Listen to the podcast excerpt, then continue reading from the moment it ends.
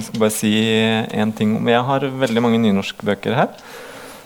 Og jeg er vel en av de som lider av litt aldersblindhet. At jeg tror av og til kanskje at jeg er litt yngre enn det jeg er. Eh, så i det som jo egentlig er en ganske fjern fortid, så gikk jeg på ungdomsskolen. Og da var jeg ikke så glad i nynorsk. Uh, jeg kunne flire godt av Spynorsk mordliste, som det jo sto veldig mange steder, men så har jeg blitt voksen. Så nå er jeg kjempeglad i å lese nynorsk, og det gjenspeiler seg i det utvalget jeg har. Uh, denne her er også på nynorsk. Uh, Atle Berge, 'Puslingar'. Utgangspunktet er Alexander Kielland-ulykken. Uh, 27.3.1980 så kantra den ute i Nordsjøen. 123 personer omkom. Og det er den verste ulykken i norsk oljehistorie. Um, det har i ettertid vært uh, veldig mye kritikk av de utredningene og rapportene som kom. Uh, og det har faktisk også blitt nedsatt en ny uh, ja, Riksrevisjonen skal komme med en ny rapport i 2021. Så den Hva som egentlig skjedde, det er det ikke full enighet om, rett og slett. Det er utgangspunktet for denne romanen. Vi er i Hordaland, møter en mor og en datter, Marita, på åtte år, som uh, ikke vet hva som skjedde med Jonny, faren til Marita, som visstnok skulle være på plattformen den dagen. Han blir ikke funnet, og de vet ikke helt altså De begynner å gruble på om han i det hele tatt var der. Marita, Vi følger Marita gjennom ungdomstiden hennes med forelskelser og familiekonflikter og det vanlige. Og det er, selv om det er en veldig det er en, et alvorlig utgangspunkt, så er det også mye munterhet her. det er drama og humørfylt om hverandre. det er det. Eh, Marita hun graver i rapporter og utredninger og jakter på sannheten. Og hun, eh, vi får også noen hint om at faren kanskje hadde noen hemmeligheter som eh, Ja. Vi ikke, eh, hun og moren ikke visste om, rett og slett. Eh, så møter hun også en venn av faren, Trygve, som eh, kan kaste litt mer lys over hva som skjedde den dagen. Det er som sagt alvorlig og sterkt, men det er også humørfylt. Og hvis det er noen som har kjennskap til Strile-dialekten og Bergensdialekten, så er det en del artige uh, ja, henvisninger til det, rett og slett. Det blir radio. Vi hopper videre. Og da skal jeg begynne med å lese Olga. Takk. Sigrid Sandberg, 'Mørket'. Jeg skal starte litt med å lese fra den første siden her. Når så du stjernehimmelen sist? Se på et satellittbilde av jorda. Der hun før var nattsvart, gløder hun nå som ei blinkende julekule. Zoomer du inn på en by, ser du flaum og neonlys. Lys fra biler og gatelykter. Zoomer du enda mer inn, til ditt eget soverom, finner du kanskje lamper og TV og nettbrett og mobilskjermer. Bor du i en by og ser ut av vinduet, ligger det et grågult slør mellom deg og Mjølkevegen. Sjøl om det er natt, sjøl om det er vinter, i sjølveste Noreg, mørketidslandet. Mennesker har kjempa mot mørket til alle tider, men er det snart lyst nok? Hva gjør alt dette lyset med oss og alt som lever? Og den korte innledningen fanger veldig mye av det her. Uh, Sigrid Sandberg har skrevet 15 bøker om polarstrøk og klima og natur og friluftsliv. Og hun har bodd på Svalbard og vært veldig mye ute i naturen. Uh, det er en blur på forsiden her, som dere ser den kanskje ikke nederst der. Men uh, det er en bokblogger som har skrevet kunne gjerne flyttet inn denne boka. Og det kan jeg skrive inn på. Jeg er ikke typen som Uh, trekker meg opp i sofakroken med et pledd så veldig ofte. Men akkurat den boka her så kunne jeg gjerne gjort det. Å sitte der i halvmørket og lese om alle disse naturkreftene og alt det som skjer rundt oss, og bare kjenne at det suser rundt meg, rett og slett. Fordi Det handler om mørke og fravær av mørke og alt dette kunstige lys vi omgir oss med. Og hva gjør det med oss? Uh, hva gjør mørket med oss? Uh, mentalt og fysisk? Uh, og hva gjør dette kunstige lyset med oss? Det påvirker jo alt. Liv, planter, dyr, insekter og søvn og døgnrytme. Og hun skriver jo også om hvordan dette har endret seg litt opp gjennom historien. da. Eh, parallelt med dette så er det også en historie om en kone av en fangstmann på Svalbard eh, som heter Christiane Ritter. Som eh, ble overtalt av mannen sin til å bli med på en ganske stusslig eh, fangsthytte midt ute i ødemarka der på 30-tallet. 1930-tallet. Uh, ut av det kom det da en bok som heter 'Kvinne i polarnatten'. Uh, hvor hun da beskriver uh, møtet med denne ville naturen og det mørket som aldri tar slutt. Og så krydrer Sigrid Sandberg også den boka med en del dikt. Mye naturdikt. Hans Børli, Jon Foss, André Bjerke med flere. Det er en kosebok med en del alvor i, rett og slett. Det blir, radio. Og så er den siste boka, uh, siste boka mi, vel å merke, i dag, det er jeg, det er noen som mener at jeg ikke har så god estetisk sans, men jeg syns den forsida her er veldig fin. Uh, det kan jo også være fordi jeg liker boka veldig godt. Uh, jeg har allerede snakket om den i eh, Drammensbiblioteket. Jeg hadde en podkast hvor de var på besøk hos oss i Bærum og spilte inn en podkast. Da fikk jeg lov til å være med og snakke om denne. Da snakka jeg ganske lenge. Jeg skal ikke snakke så lenge nå. jeg skal prøve, i hvert fall å stoppe. Eh, Patrick Svensson, som har skrevet boka, han er en svensk debutant. Han er journalist eh, i en avis i Syd-Sverige. Han fikk eh, den svenske Augustprisen for eh, beste sakprosabok i 2019 for denne boka. Og den handler om ålens historie, eller eh, rettere sagt menneskets eh, kunnskapshistorie om ålen.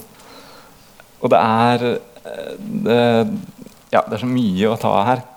Men det, dette Åle-spørsmålet var noe som Aristoteles eh, starta med å prøve å beskrive. Eh, et av de store spørsmålene da var jo hvordan ålen faktisk eh, blir født. Og teoriene den gangen gikk på at den bare vokste ut av mydderet på elvebunnen. Eh, vi vet litt mer nå i dag, men Sigmund Freud eh, var også en som jobba med dette og prøvde å finne forplantningsorganet til ålen. Før han ble psykoanalysens far, så sto han i Trieste i Nord-Italia og dissekerte ål for å da prøve å finne, finne forplantningsorganene, rett og slett.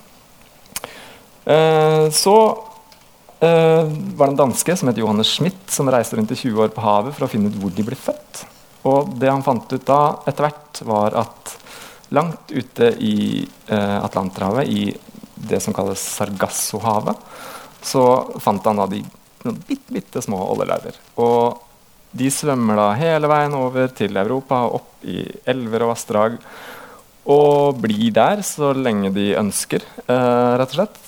Og så, når de da finner ut at nå har vi lyst til å bli åleforeldre, så eh, de, utvikler de forplantningsorganene. Og det kan skje når de er fem år eller når de er 40 år. Det, de, har, altså de, går gjennom mange faser som er litt ulikt hvordan vi mennesker eh, fungerer, rett og slett. Um, nå må jeg snart stoppe, men uh, jeg skal si at uh, vi mennesker har jo også påvirka veldig mye av levekårene for ålen med hvordan vi demmer opp elver og vassdrag og klimaforandringer og i det hele tatt, og ikke minst fiske. Og et paradoks er jo at jo mindre bestand av ålen, jo mer ettertrakta blir den også.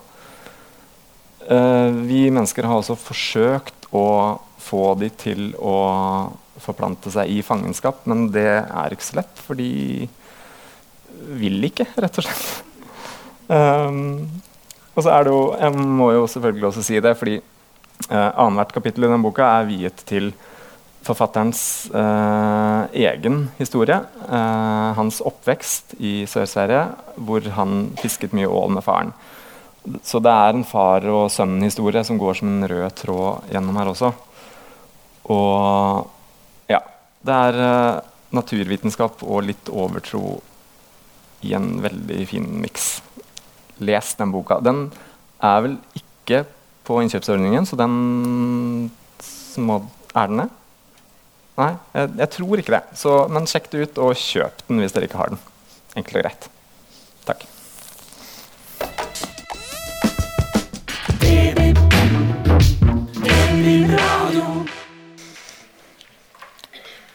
Um, på jorda er vi glimtvis vakre.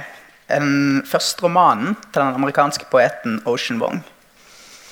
Navnet har han hentet fra eh, diktsamlingen, eller et dikt i den første diktsamlingen sin, som kom i 2016. Tilfeldighetene ville ha det til at eh, romanen og diktsamlingen kom ut på norsk omtrent samtidig på henholdsvis Pelikanen og for, eh, Samlaget. Tematisk så har de mye til felles, og diktsamlingen og denne romanen kan godt leses i forlengelsen av hverandre. Historien fortelles av hovedpersonen, som alle kaller Veslehunden. Romanen er, eh, romanen er, organisert som et fragmentert bekjennelsesbrev fra eh, Veslehunden til moren Rose, som ikke kan lese. Og Dette paradokset er et premiss for de åpenhjertige og utleverende skildringene. Rose var barn under Vietnamkrigen og hun har ikke hatt noe skolegang eh, etter at skolen ble rammet av et amerikansk napalmangrep da hun var fem. Vestlund sin bestemor, Lan, var alenemor og måtte prostituere seg for å livnære seg sjøl og Rose. Familien emigrerte til USA i 1990, da Veslehund var liten. Både moren og bestemoren sliter med senskader etter krigen. De har PTSD og traumer etter det de har sett og opplevd. De flytter til en innvandrerbydel hvor Rose jobber helsen av seg i en neglesalong. Under oppveksten blir Vestlund slått av moren. Han som 13-åring krever at hun slutter. Moren ber han alltid om å la være å stikke seg ut, for han er allerede vietnamesisk. På den måten så opplever han et dobbelt utenforskap, da han både er barn av asiatiske innvandrere og homofil. Tematisk så har romanen noen eh, likheter med Edouard Louis' sin debut. Men i motsetning til eh, Louis så er tonen her spørrende heller enn anklagende. Portrettet av moren, bestemoren og ungdomskjæresten Trevor er nyanserte, ømme og rørende og springer ut av takknemlighet og kjærlighet. Når noen har gjort han urett, så er det alltid bestrebelsen på å finne ut hva de har følt og tenkt når de gjorde det, som er hovedsaken. Romanen er svært politisk, noe som kommer til uttrykk gjennom det individuelle. For da han forteller sin personlige historie, så setter han fokus på større samfunnsproblemer. Vestlunds bakgrunn og de problemene han møter i sitt nye land, der han bare nesten hører til, eh, viser til et større bilde om migrasjon og rasisme. Kjærlighetsforholdet til Trevor, som veksler mellom det kjærlige og brutale, sier mye om kjønnsroller og maskulinitet i samtidens USA. Den mest eksplisitte samfunnskritikken er rettet mot legemiddelindustrien. Som fra slutten av 90-tallet masseproduserte et svært avhengighetsskapende opioid eh, kalt oksykontin. Det som i utgangspunktet var tenkt som et smertestillende for pasienter som gjennomgikk cellegiftbehandling, ble etter hvert gitt til alle slags pasienter med kroppslige plager. På sikt har dette ført til en eh, heroinepidemi i USA. Ungdomskjæresten Trevor dør av en overdose som 22-åring etter at han fikk oksykontin for en brukket ankel da han var 15. Dette er en bok med tydelige lyriske kvaliteter, som nok passer best for de språklig orienterte lånerne. Og gjerne de som leser lyrikk. Men samtidig er narrativet så rørende og medrivende at den har potensial til å nå mange flere. Jeg bare lese et lite utdrag fra den. Jeg har sett foreldre som sliter med posttraumatisk stresslidning, oftere slår barna sine. Kanskje fins det et monstrøst opphav til det likevel. Kanskje det å legge hånd på barnet sitt er å forberede på krig.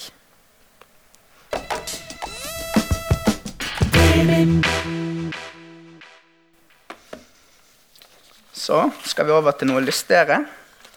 Fransk litteraturhistorie. Som tittelen indikerer, fransk litteraturhistorie gjennom 1000 år. Dette er et ambisiøst verk. Tre spesialister har satt seg for å skrive Frankrikes litterære historie på bare 320 sider. Og I dette formatet ligger et premiss om bredde heller enn dybde. Forfatterne presiserer også innledningsvis at dette er en lesebok og ikke et dekkende oppslagsverk. Bokens begrensede omfang, altså at han er så kort, eh, gir den et forrykende tempo. Leseren raser gjennom århundrer og litterære epoker før han til slutt ender opp i vår egen tid. Solid fagkunnskap formidles i et klart og enkelt språk som ikke forutsetter at en har en grad i litteraturvitenskap for å henge med. Og Til tross for at de er tre forskere, så er de konsekvent i stil og tone. Dermed så fremstår det som et enhetlig verk. Det helhetlige preget hjelpes frem av en velprøvd måte å organisere stoffet på. Hvert kapittel tar for seg en litteraturhistorisk epoke, hvor det etter en generell innledning fokuseres på de mest markante forfatterne i perioden.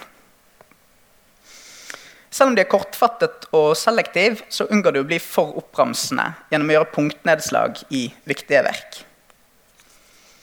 I utvalget av forfattere har de lagt vekt på litteratur som bidrar til å danne nye epoker, som utfordrer samtidens forventninger eller speiler typiske tendenser, som de sier. Uten at det gjøres noe større nummer av det, trekkes kvinnelige forfatterskap frem på linje med deres mannlige kolleger. Moderne litteraturhistorie fra 1900 til i dag har blitt tillagt størst plass av bokens fem deler. Dermed får vi også et fyldig bilde over nyere litteraturhistorie og samtidslitteraturen. Samlet er dette et litteraturhistorisk verk som favner mye bredere enn akademia.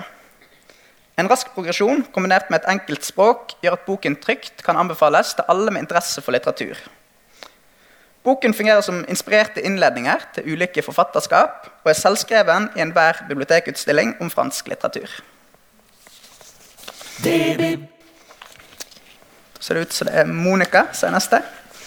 Ja, eh, jeg skal snakke litt om 'Søstrene på Stenberg' av Elin Tinholt. Den ser jo ganske unnselig ut. Uh, har et litt sånn uh, Ja, jeg tror ikke jeg ville lagt merke til den boka da, hvis jeg bare hadde gått forbi den. Men som Nils Versted også sa, så er det jo viktig å gå på skattejakt i litteraturen. Og dette er virkelig en skatt. Det handler om tre søstre som bor på gården Stenberg. Den ligger uh, på Toten, og den finnes fortsatt, og den er bevart uh, sånn som den var den gangen um, som disse søstrene levde. Og der bodde det en familie på åtte med tre brødre og tre søstre. Og det er de tre søstrene vi følger her. Uh, og særlig den yngste, uh, hun heter Amalia, er 22 år denne sommeren 1840. Det handlingen er lagt til. Og hun står på terskelen til voksenlivet, kan man si. De to eldre søstrene de er uh, ugift. Um, og er blitt boende på gården. Den mellomste søsteren hun heter Nahida. Hun er um, utrolig dyktig til å spille piano. Hadde en pianolærer uh, som hun forelsket seg i. Han ble jaget vekk fra gården. Uh, og hun hadde veldig sterkt ønske om å bli uh, konsertpianist, men fikk altså da ikke lov til det. Eh, Bolly hun har også hatt sine lidenskaper, eh, som hun også måtte legge vekk. Stenberg er en utrolig vakker gård. Hun har en engelsk park, kjærlighetssti og filosofgang, og har to lysthus, eh, begge med vinlagre. Det spares ikke på noe når det er fest, eh, men fest er det egentlig ganske sjelden, og til vanlig så sparer de på alt. Faren eh, er en eh, ekte holdt jeg har vært en ekte person. Han har levd i virkeligheten. Han eh, er en uh, eidsvollsmann og var med på å lage Grunnloven. Og han er amtmann. Og han er en streng patriark. og så dukker det opp en mann på denne gården sommeren 1840. Og Amalia hun forelsker seg. Og det går dessverre ikke så bra. Elin Tinholt hun er dra egentlig dramatiker. Eh, dette er hennes første eh, roman. Og det merkes virkelig godt at hun har skrevet tekster for scenen. Uh, for det er både fantastiske, fine dialoger her og utrolig vakre skildringer. Man føler nesten at man er på denne gården.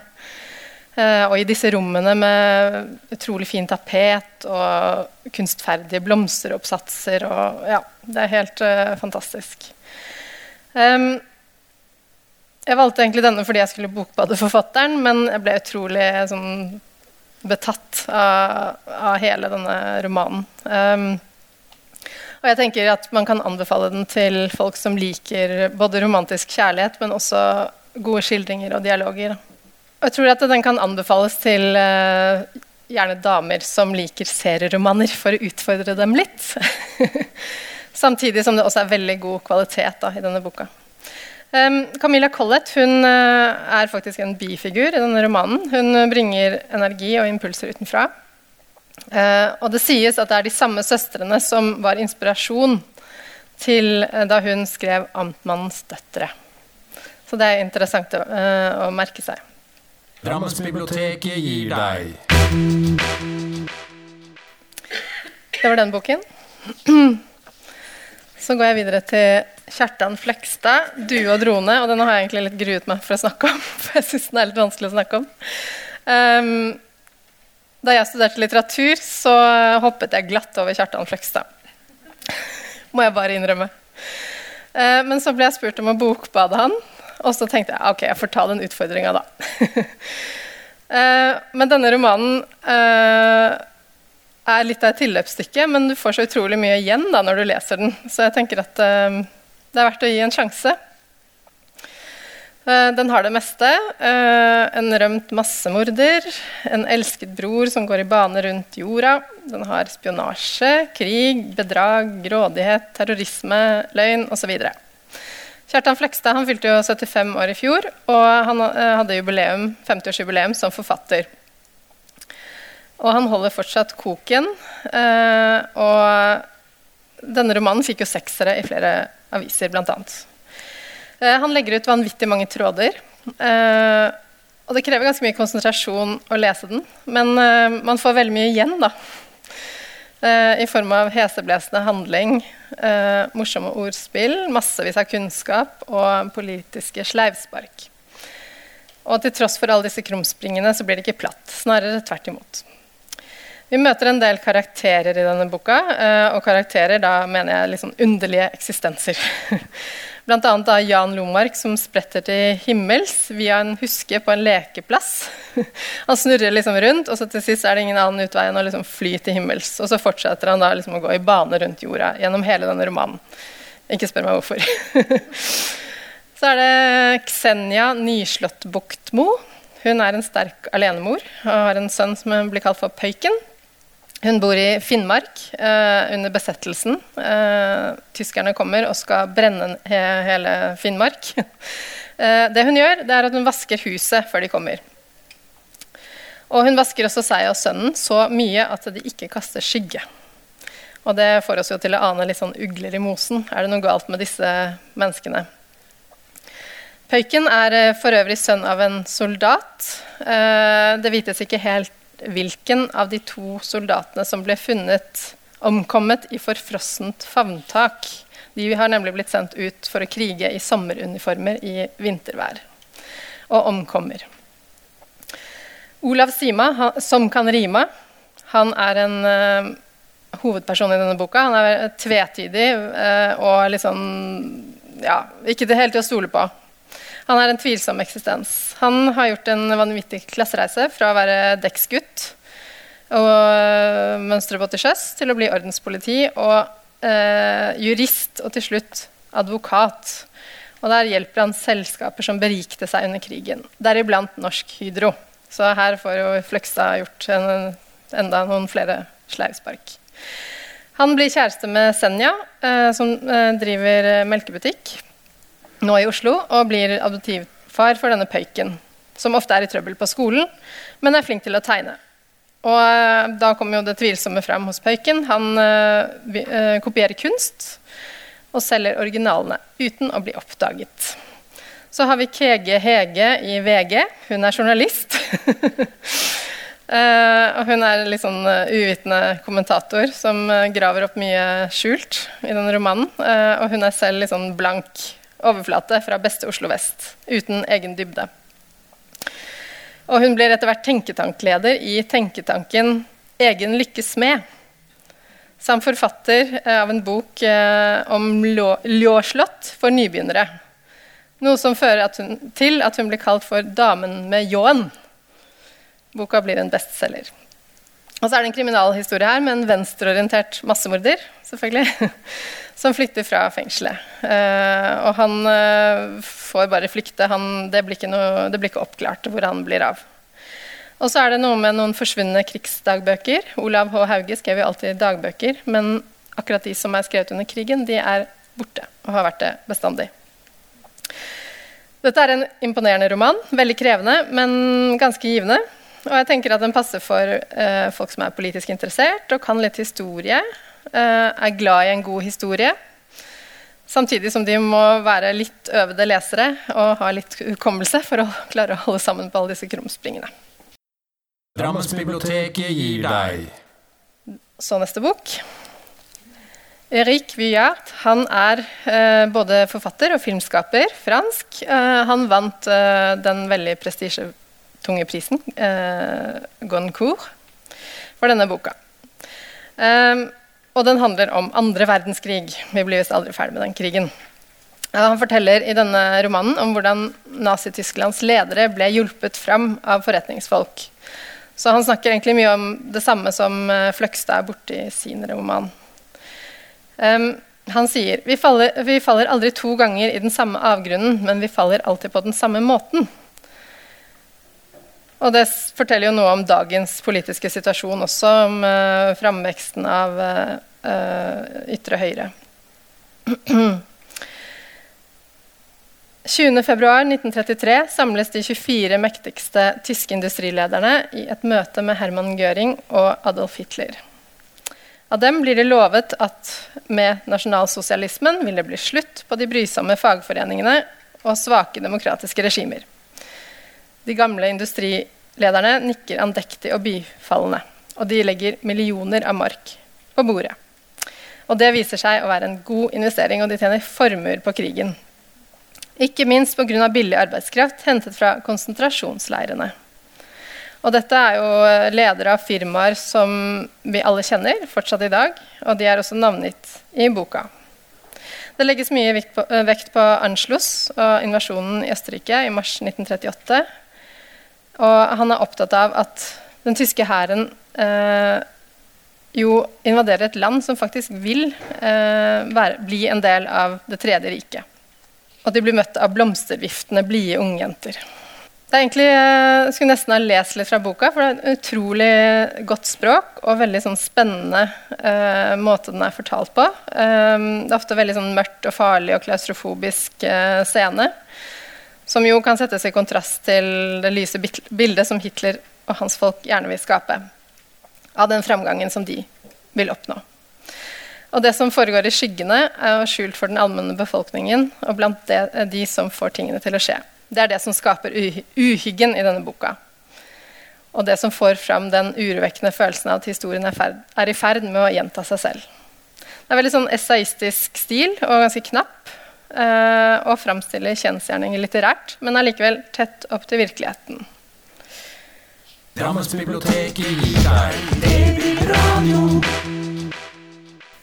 Det var den boka. Da er det Oddmund, tror jeg. Eh, hvor mange, hvor mange eh, Det er sikkert ikke alle som er bibliotekarer, da, så da bruker jeg ordet bibliotekansatte. Hvor mange bibliotekansatte her er det som aldri leser krim? Ja, det er en del. Ja, sant? Og det er sånn, Vi syns det er litt gøy å si nei, jeg leser aldri krim. det er liksom litt status, da. Nei, for min del så Men uh, OK, da.